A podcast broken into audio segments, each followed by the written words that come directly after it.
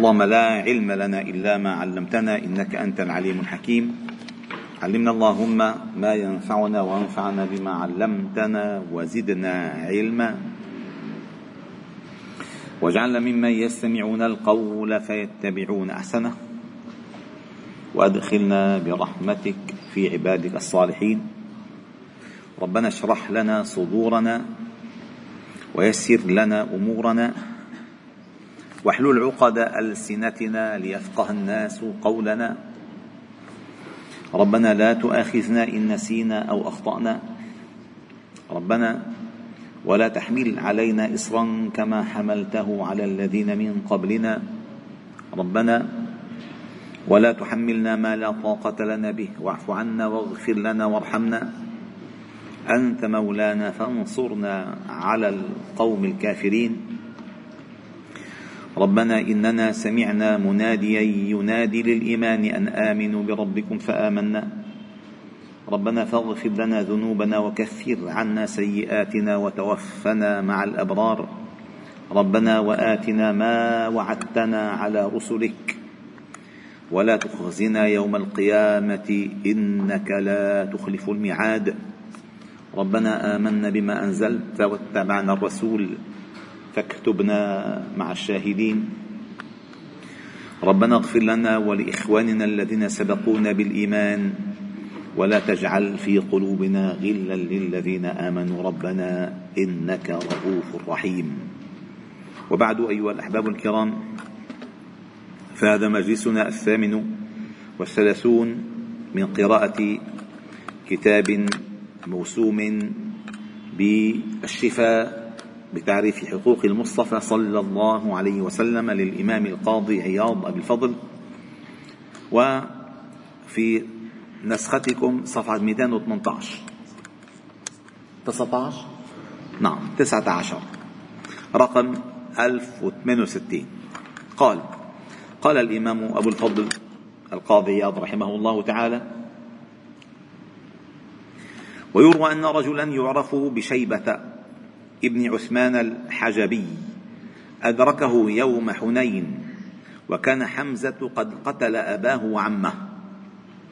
فقال اليوم أدرك ثأري من محمد صلى الله عليه وسلم. فلما اختلط الناس عم آه على عصمته وكفايته. فلما اختلط الناس أتاه من خلفه ورفع سيفه ليصب ليصبه عليه. قال فلما دنوت منه ارتفع إلي شواظ من نار أسرع من البرق. فوليت هاربا. وأحس بالنبي صلى الله عليه وسلم فدعاني. فوضع يده على صدري وهو أبغض الخلق إلي. لنا عم ابوره فوضع يده على صدري وهو أبغض الخلق إلي. قال فما رفعها إلا وهو أحب الخلق إلي. صلى الله عليه وسلم. وقال لي أدنوا فقاتل. يلا. هذه قلبة البرود المفيدة. هذا قلبي بلك قلب البرود هذه المفيدة. فقال فتقدمت أمامه أضرب بسيفي وأقيه بنفسي. ولو لقيت أبي تلك الساعة لأوقعت به دونه كان جاي ينتقم لأبوه قال لو شفت أبوه هيجم أنا قتلته أنا قتلته. الله أكبر. الله أكبر. عم بتذكر اسم الصحابي هذا الذي دخل الجنة ولم يسجد لله سجدة. آه ما طلع اسمه إن شاء الله بتذكره. هذا في غزوة لا. اللي كان قاعد وادركه وطلع. المهم آه قاتل كان في صف المشركين. في صف المشركين. فشاف قومه عم ينذبحوا. شو هالشغلة هيدي؟ فقال يا رسول الله أسلم؟ قالت أسلم. فقال أسلم. فقتل فقتل. فقال دخل الجنة ولم, يسجد لله سجدة واحدة. سجدة واحدة مثلا. بس قلب أخذ موقف. ثم قال وعن وعن فضالة بن عمرو أردت قال أردت قتل النبي صلى الله عليه وسلم عام الفتح وهو يطوف بالبيت فلما دنوت منه قال يا فضالة. قلت نعم. قال ما كنت تحدث به نفسك قلت لا شيء فضحك واستغفر لي. ووضع يده على صدري فسكن قلبي فوالله ما رفعها حتى ما خلق الله شيئا أحب إلي منه. صلى الله عليه وسلم. نعم. أيوه أيوه عمرو بن ثابت احسن عمرو بن ثابت سبحان الله. وقال ومن مشهور ذلك خبر عامر بن الطفيل وأربد ابن قيس حين وفدا على النبي صلى الله عليه وسلم وكان عامر قال له لأربد أنا أشغل عنك وجه محمد فاضربه أنت. أنا بلهي وأنت تضربه قال فلم يره فعل شيئا. خلصت الجلسة وما عمل شيء.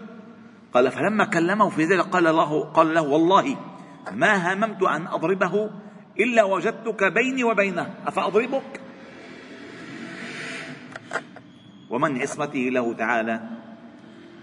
أن كثيرا من اليهود والكهنة أنذروا به وعينوه لقريش وأخبروهم بسطوته بهم وحضوهم على قتله فعصمه الله تعالى حتى بلغ فيه أمره. ومن ذلك نصره بالرعب أمامه مسيرة شهر كما قال عليه الصلاة والسلام.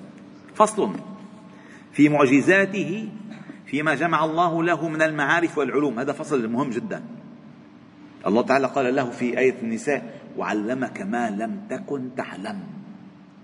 وكان فضل الله عليك عظيما. يعني كل العلوم التي أتتك بعد النبوة شيء غير غير كسبي غير كسبي إنما وهبي. وهبي. الله آتاك إياه. أنت ما تعلمته ما قرأته ما كتبته. إنما الله تعالى علمك إياه. وعلمك ما لم تكن تعلم. عجيب. هذا الفصل عجيب. حتى تدركوا عظمة هذا النبي صلى الله عليه وسلم. وعظمته ليس لأنه من قريش. إيه؟ أو لأنه أبيض لا لا. عظمته لأن الله اصطفاه. اختاره تعالى من من العالمين. علمه ما لم يعلمه أحدا من العالمين. خصه بافضل كتاب وأحسن ملة. وخير أمة. خصه بخصائص ما كانت لغيره ابدا ابدا ابدا. يعني موسى كلم الله تكليما. شو الله استضافه عنده. لفوق سبحان الله. فقال ومن معجزاته الباهرة ما جمعه الله له من المعارف والعلوم وخصه به من الاطلاع على جميع مصالح الدنيا والدين. يعني لذلك ما فينا نقول إنه أن بس عنده علم بالدين. لا لا. مصالح ما تقوم ما لا تقوم به الدنيا إلا به فعند النبي صلى الله عليه وسلم علمه. ما لا تقوم مصالح الدنيا إلا به. ولا كيف الدين كامل؟ كيف الدين منهج حياة؟ الدين منه للآخرة بس؟ الدين بناء الدنيا للوصول الآخرة.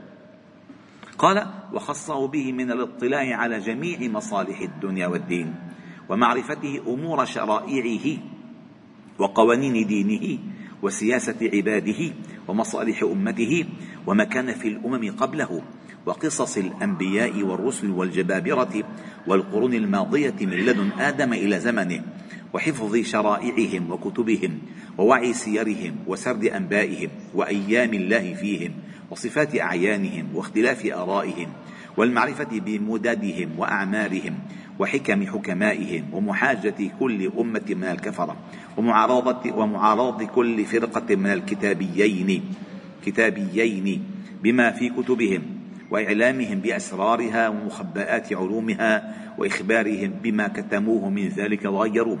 إلى إلى الاحتواء على لغات العرب وغريب ألفاظ فرقها والإحاطة بضروب فصاحتها والحفظ لأيامها وأمثالها وحكمها ومعاني أشعارها والتخصيص بجوامع كلمها إلى المعرفة بضرب الأمثال الصحيحة والحكم البينة لتقريب التفهيم للغامض والتبيين للمشكل إلى تمهيد قواعد الشرع الذي لا تناقض فيه ولا تخاذل مع اشتمال شريعته على محاسن الأخلاق ومحامد الآداب وكل شيء مستحسن مفضل ولم لم ينكر منه ملحد ذو عقل سليم شيئا إلا من جهة الخذلان.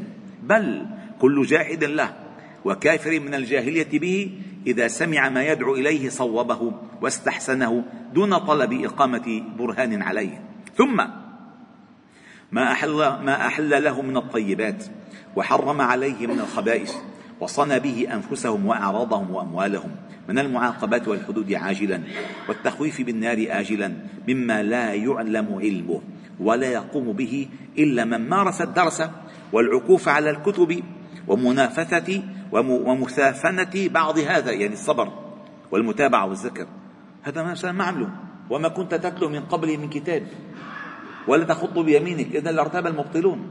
وسيأتي على بعض الشبه وردها. قال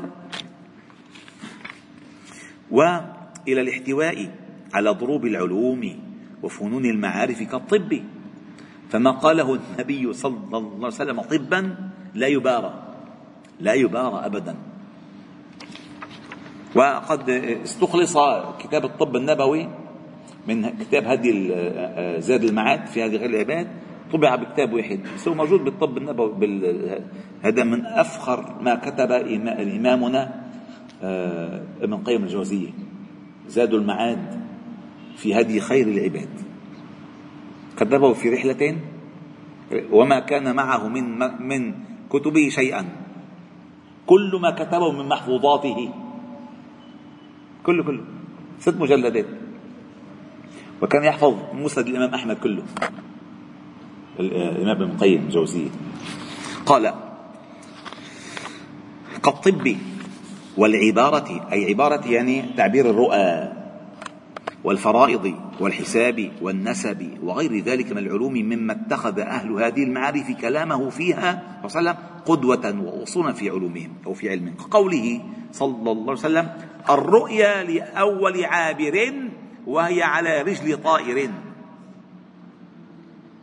هذا بعلم التعبير علم الرؤى. لذلك الإنسان إن رأى رؤيا حسنة أو سيئة فلا يقصها أو فلا يقصها أو بالصح فلا يقصها للخبر فلا يقصها إلا لمن له ثقة في دينه. دين. المنشان أولا إذا إذا حس المعبر أن فيها شيء لا يعبر ويسأل الله تعالى له السلامة. لأن أول هي لأول معبر وهي على رجل طائر يعني ما نطق فيها كان وقعت. وقعت. فلذلك الرؤى عالم خطير. وأخطر شيء فيه أن يغرق الإنسان فيه. أخطر شيء في الرؤى هو عالم خطير. أخطر شيء فيه أن تغرق فيه. وتصير أسير الرؤى. الرؤى عالم افتراضي. لا يثبت فيه حكم شرعي واحد. ولو جاءك النبي صلى الله عليه وسلم فيه وقال لك افعل ذلك هذا ليس حكم شرعي. لأن أكملت لكم دينكم. فالرؤى الغرق فيه خطر كبير. استئناس استبشار استحسان. بس. ونضع السطر لا يجزم بشيء منها أبدا. كل توقعات. و آه، آه، تقع في صدق ها يعني كمثل فلق الصبح على حسب صدق رائها. فكلما كان كلما كان الرائي لها صادقا فتحت له القوة أكبر فأكبر حتى يرى من خلالها الغيب. ويقع مثل ما رأى وتضيق على حسب حاله. تتسع وتضيق. والرؤى التي تقع ليس شرطا أن يراها مؤمن. فهذا الملك رأى سبع بقرات سمان يأكلون سبع عجاف. شو دخلوا بالدين هو؟ رؤى, حق عبرها له يوسف عليه السلام. وفرعون رأى أن نارا خرجت كذا. فما القصد بحال الرأي دائما. قد تأتي الرؤى على أي إنسان والمقصود منها أن يخبر الناس بها. ثم قال وقوله صلى الله عليه وسلم الرؤيا ثلاث رؤيا حق ورؤيا يحدث بها الرجل نفسه ورؤيا تحزين من من الشيطان. يعني هذه أنواع الرؤى. قد هذه أولها حق. يعني يكون ما رأيته سيقع تماما. والرؤيا الثانية عالمها بتهدوس فيه. يعني مثلا متفقين الشباب بكرة يروح على البحر. بالمنام كله بحر. وأمواج وسمكة وسردين وطون مهدوس مهدوس وشيء من الشيطان حتى يحزنك. كويبيس يعني. كويبيس أشياء بسعه ومن جميل ما ذكر عن أحد العلماء أنه كان آه هذا الرجل العالم يرى النبي صلى الله عليه وسلم في الرؤيا في الرؤيا فطمع هذا التلميذ طمع هذا التلميذ أنه كمان بدي اشوفه بس أنا بشوفه فقال يا شيخنا بدي هيك قال طيب خلاص تفضل. حتشوفه. حتشوفه. فأتاه قال له بتنام تنام عندنا الليلة؟ فقدم له العشاء طعام العشاء وكثر له الحرات والملحات والبهارات وبعدين ما حط له مي على السفرة ما في مي. فالمهم نام. نام ونام فلما فاق قال له ماذا رأيت؟ قال له رأيت الينابيع تتفجر والأنهار تجري والسماء تمطر. قال صدق عطشك فصدقت رؤيتك. إلى أن الرؤية منفسة وأنا بدي أعمل مثلك. ما هذا فتوح من الله. قال صدق عطشك عطشك صادقا. فرأيت ما اهتممت أنت به. فصدقت رؤيتك رأيت ما تحدث به نفسك. قال وقوله صلى الله عليه وسلم إذا تقارب الزمان لم تكد لم تكد رؤيا المؤمن تكذب. وما نحن فيه يعني. وقوله صلى الله عليه وسلم أصل كل داء البردة أو البردة. يعني التخمة. ومن جميل ما سمعت من الحكمة. قال قال البطنة انتقام لكل فقير. البطنة البطنة انتقام لكل فقير. ديك ما ما عم ياكل؟ ديك اكل حتى يموت. بابا بابا يهدم بابا يهدم حيموت قال وما روي عنه في حديث أبي هريرة قال صلى الله عليه وسلم المعدة حوض البدن والعروق إليها واردة وهو حديث ضعيف. وإن كان هذا الحديث لا نصححه لضعفه وكونه موضوعا تكلم عليه الدار قطني. وقوله صلى الله عليه وسلم خير ما تداويتم به الصعوط اللي بيحطوه كانوا يقصوا واللدود واللدود آه نوع من الأدوية مشهور عند العرب. والحجامة والماشي والماشي. ما هو المشي هلا في ناس بيكون رايح امشي. ليش؟ قريت حديث. أنه المشي آه، خير ما تداويتم به. لا يا أخي. المشي يعني أخذ أخذ ما يمشي البطن. يعني من أهمها سنة مكة. قال لأم سلمة بما تستمشين بما تستمشين.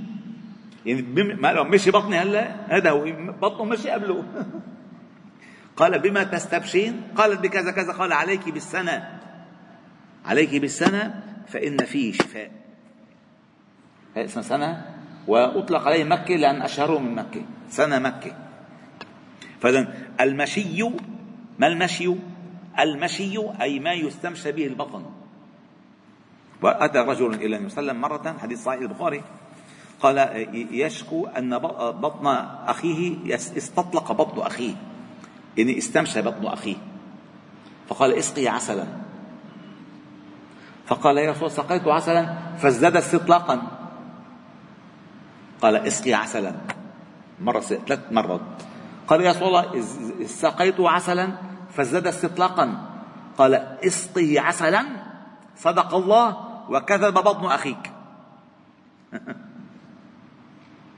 لأن ربما العسل هو اللي عم يصححه ليش؟ عم يطلع له الأشياء الملزمة تدل بالبطن قال صدق الله وكذب بطن أخيك. اسقي عسلا قال وخير وقوله وخير الحجامة يوم سبع سبع عشرة وتسع عشرة وإحدى عشرين وفي العود الهندي سبعة أشفية. العود الهندي صاحبنا اسمه القسط الهندي. مشهور كثير. كثر ما مشهور ما حدا في قريب عليه ريحته لا توصف وطعمته لا تحتمل ولكن فيه سبعة أشفية. موجود إلى الآن موجود بالعالم وكل البلاد الحارة تستخدمه. وقوله صلى الله عليه وسلم ما ملأ ابن آدم وعاء شرا من بطن فإن كان لابد فثلث للطعام وثلث للشراب وثلث للنفس. ما هذا يعني؟ اللي عم يطبق هلا يمكن ثلث الأمة. يلي بطبقوها. وقوله صلى الله عليه وسلم وقد سئل عن سبأ أرجل هو أو, امرأة؟ أم, أم هو أم امرأة؟ أم أرض؟ فقال صلى الله عليه وسلم رجل ولد عشرة تيامن منهم ستة وتشاءم أربعة. يعني عم يقول لهم كيف تفرقوا في البلاد؟ وكان أصول اليمن لأن اليمن أصل العرب. وقال وكذلك جوابه في نسب قضاعة وغير ذلك مما اضطرت العرب على شغلها بالنسب إلى سؤاله عما اختلفوا فيه في ذلك. وقوله صلى الله عليه وسلم حمير حمير رأس العرب ونابها. هذا الكلام من يتعلموا ما من لا قال كتب. ومنه واحد يعني الأحداث الله فتح عليه. وعلمك ما لم تكن تعلم. إن أحسن الهدي هدي محمد صلى الله عليه وسلم في كل شيء. وما ينطق عن الهوى إن هو إلا وحده. فقال حمير رأس العرب ونابها. هي الأساس حميري.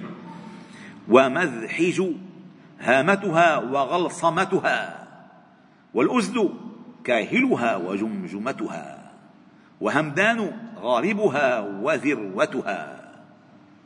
أوصاف لم يسمعها العرب من قبل أبدا. وقوله صلى الله عليه وسلم إن الزمان قد استدار كهيئته يوم خلق الله السماوات والأرض. قال في حجة الوداع. وهذا هذا الحديث خطير. ليش خطير؟ لأن هذا الكلام لا يستطيع بشر أن يقوله. إلا إذا كان موجود من لما استدار الزمان بالبداية. يعني عندما ينطلق الزمان يقول لك هاليوم كملت الدورة الكاملة؟ وما أدراك. وما أدراك. يعني الله جل جلاله عندما خلق الخلق يعني صورة تقريبية صورة تقريبية.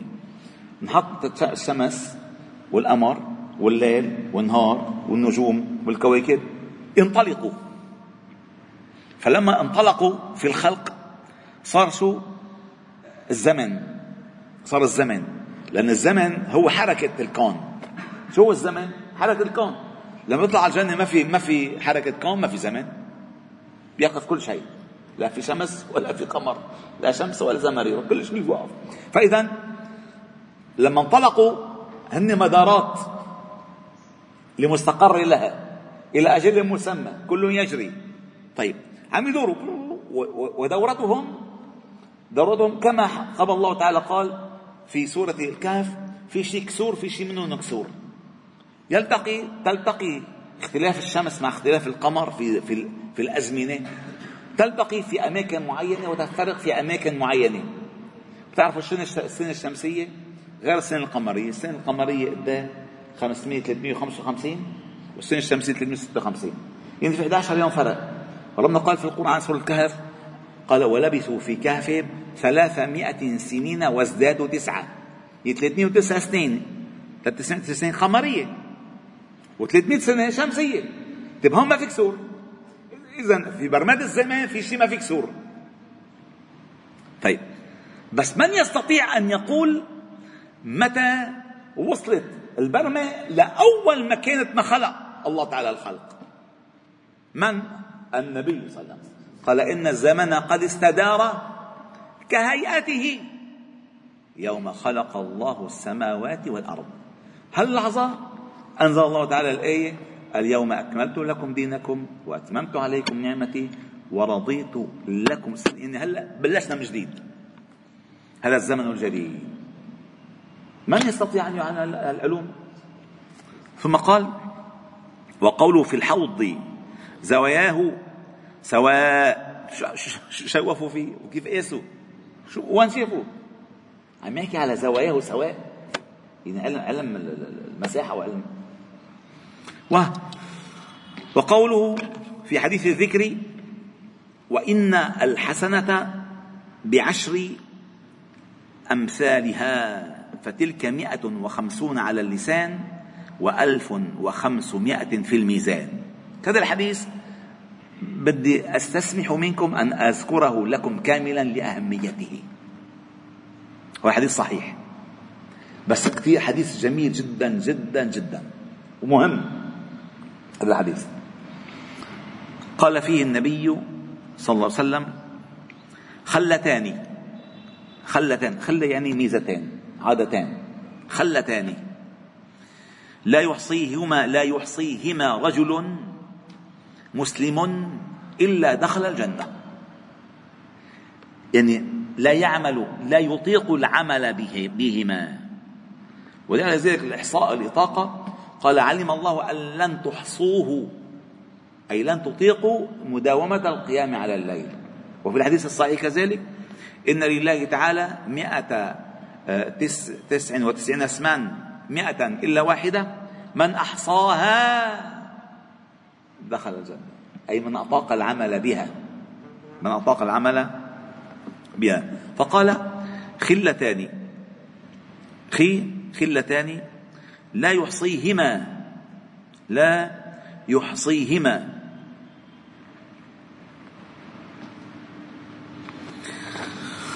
رجل مسلم إلا دخل الجنة. معقولة؟ معقولة هالشغلتين بس بتحافظ عليهم بتفوت على الجنة بس اثنين. قال ألا وهما يسير. لما بفكر إذا السمن الجنة يعني كثير صعبين. قال وهما يسير. ومن يعمل بهما قليل. بس خلتين. أستاذ وصف بس خلتين. يعني ما بتبعت هلا على التليفون أشياء كثيره بس بعتها اثنين. خلينا نركز عليهم بس بس خلتين. هلا بصور الحديث بعت لك انت بعته لك خذ أجر. قال فألا وهما يسير ومن يعمل بهما قليل. شو هن؟ اسمعوا ما في أبسط منه. يسبح الله في دبر كل صلاة عشرا ويحمده عشرا ويكبره عشرا. بس. سبحان الله سبحان الله شوف أول بس حتى تصير خمسة سبحان الله سبحان الله سبحان الله سبحان الله سبحان الله سبحان الله سبحان الله سبحان الله سبحان الله سبحان الله طيب الحمد لله الحمد لله الحمد لله الحمد لله الحمد لله الحمد لله الحمد لله الحمد لله الحمد لله الحمد لله الحمد لله الله اكبر الله اكبر الله اكبر الله اكبر الله اكبر الله اكبر الله اكبر الله اكبر الله اكبر الله اكبر دخلت كم ثانية؟ 30 ثانية؟ 30 ثانية أنا 30 ثانية. هات 30 ثانية. أول خله بفوتك على الجنة. طيب اسمعوا. قال راوي الحديث قال فأنا رأيت رسول الله صلى الله عليه وسلم يعقدها بيده. قال فتلك خمسون. ومائة باللسان فقال فتلك خمسون ومائة باللسان. مئة وخمسين. كيف صاروا مئة وخمسين؟ ما بعرف كيف صاروا؟ احذروا. خمسة ضرب. قد إيه بيطلعوا؟ 150 50 ضرب 50 ضرب 3 50 ضرب 3 150 50 ضرب 3 150 أنت تقول خمس صلوات. خمس صلوات 10 50 مضبوط ولا لا؟ خمس صلوات بالعشرة؟ 30 تمام تماما 150 إذا 30 30 30 30 30 150 قال فتلك خمسون ومائة باللسان. كل يوم بتقولها. إذا حافظت عليها مزبوط يعني العشرة عشرة عشرة ثلاثين ضرب خمسة مئة وخمسين. قال فتلك خمسون ومائة باللسان والألف وخمسمائة في الميزان. ضرب عشرة.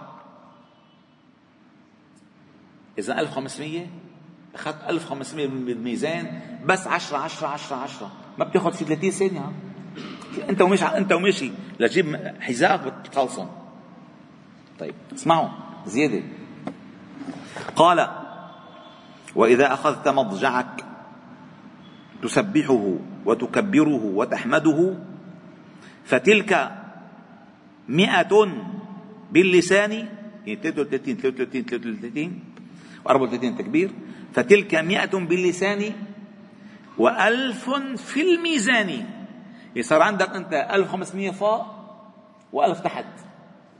قال فتلك مئة باللسان وألف في الميزان. قال صلى الله عليه وسلم فأيكم يعمل فأيكم يعمل في اليوم والليلة ألفين وخمسمائة سيئة.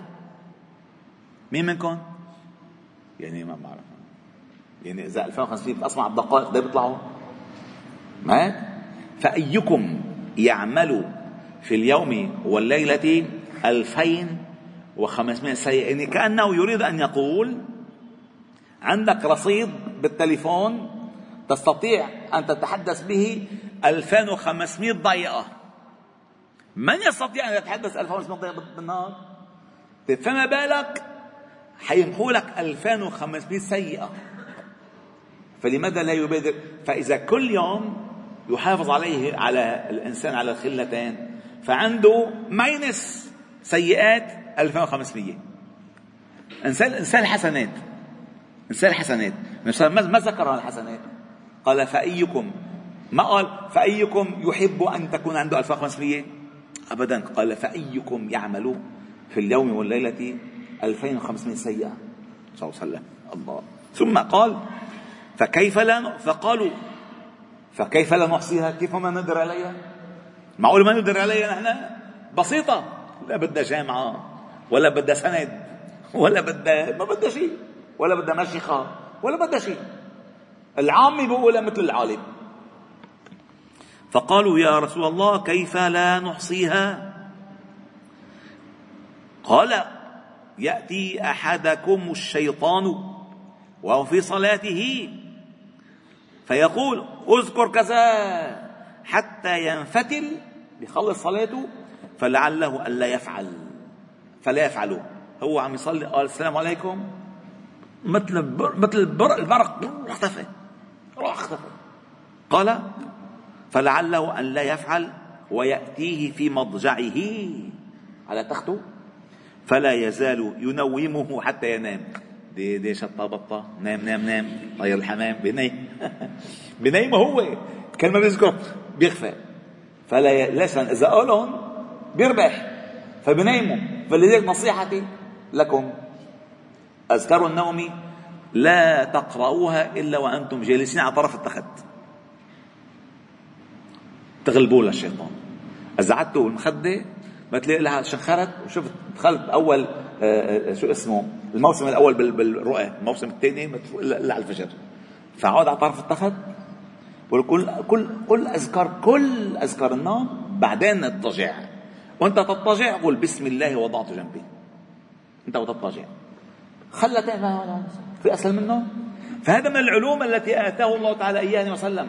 من يعلم هذه المسألة؟ سبحان الله. علوم هائله قال وقوله وهو بموضع نعم موضع موضع الحمام هذا. ورد في الحديث أنه كان بده ينبنى بناء فقال ابنه هنا الحمام. الحمام ما المقصود بهذا الخلاء؟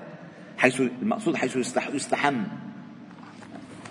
وقوله ما بين المشرق والمغرب قبلة. وقوله لعيينة أو الأقرع أنا أفرس أفرس بالخيل منك. كان العرب يشوفوا حالهم إنه هن بيعرفوا بالخيل. قال له أنا أفرس بالخيل منك. إن أدرى بالخيل منك. وقوله لكاتبه ضع القلم على أذنك فإنه أذكر للممل أو للمملل. شو يعني ضع القلم على أذنك؟ عادة بتعرفوا الإنسان بضيع. عم يكتب عم يكتب شغلة. حطها هون سلتت هون حطها على المطبخ حطها كذا. أحسن طريقة مش ما تضيع القلم حطه بدينتك علقه على دينتك فبر جاهز. حطه بمحل تعرف وين؟ دينتك فإنه قال فإنه أذكر للممل أو للمملل اللي بيكتب يعني. تعرف من هو؟ مشان ما تضيع. ما بصير معك وين القلم وين القلم اختفى القلم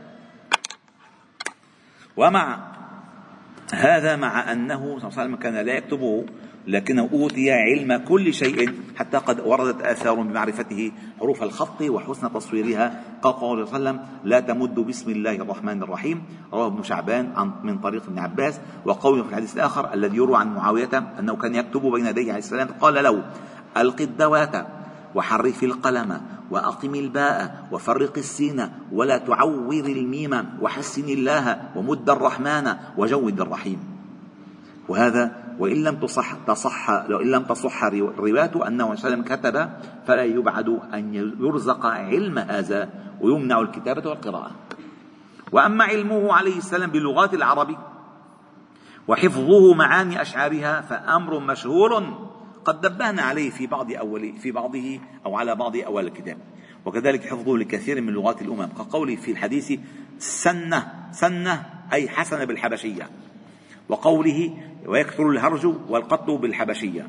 وقوله في حديث أبو هريرة إشكم دردم يعني بطنه عم يوجعه وجع البطن. إشكم وفي في رواية إشكم إشكم إشكم من غير الباء. إشكم دردم. ولكن الباء والميم بما أنه مخرجهما نفس المخرج فيصح أن تبدل أو تضغم. إشكم إشكم دردم؟ بالشتاء إذا حدا قال له إشكم دردم. أي وجع البطن بالفارسية إلى غير ذلك مما لا يعلم بعض مما لا يعلم بعض هذا ولا يقوم به ولا ببعضه إلا من مارس الدرس والعكوف على الكتب ومسافنة أهلها عمره.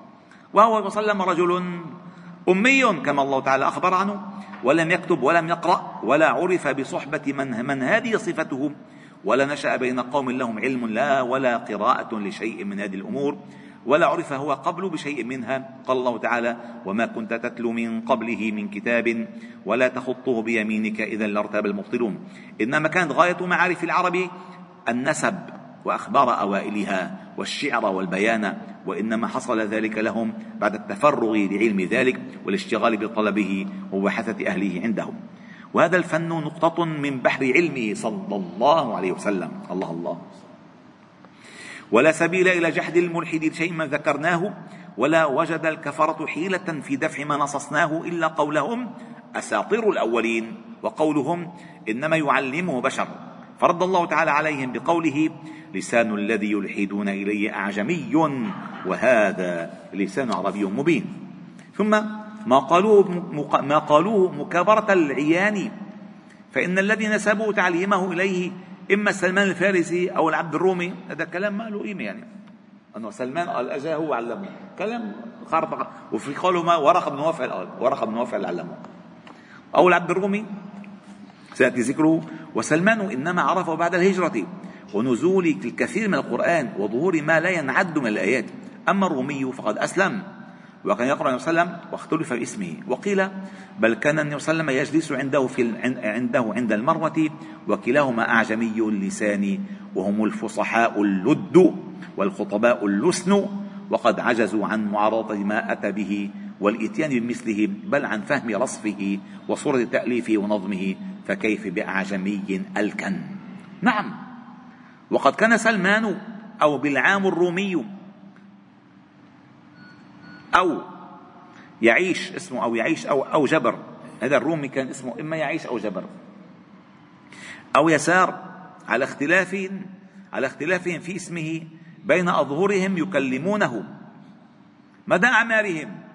فهل حكي عن واحد منهم شيء من مثل ما كان يجيء به؟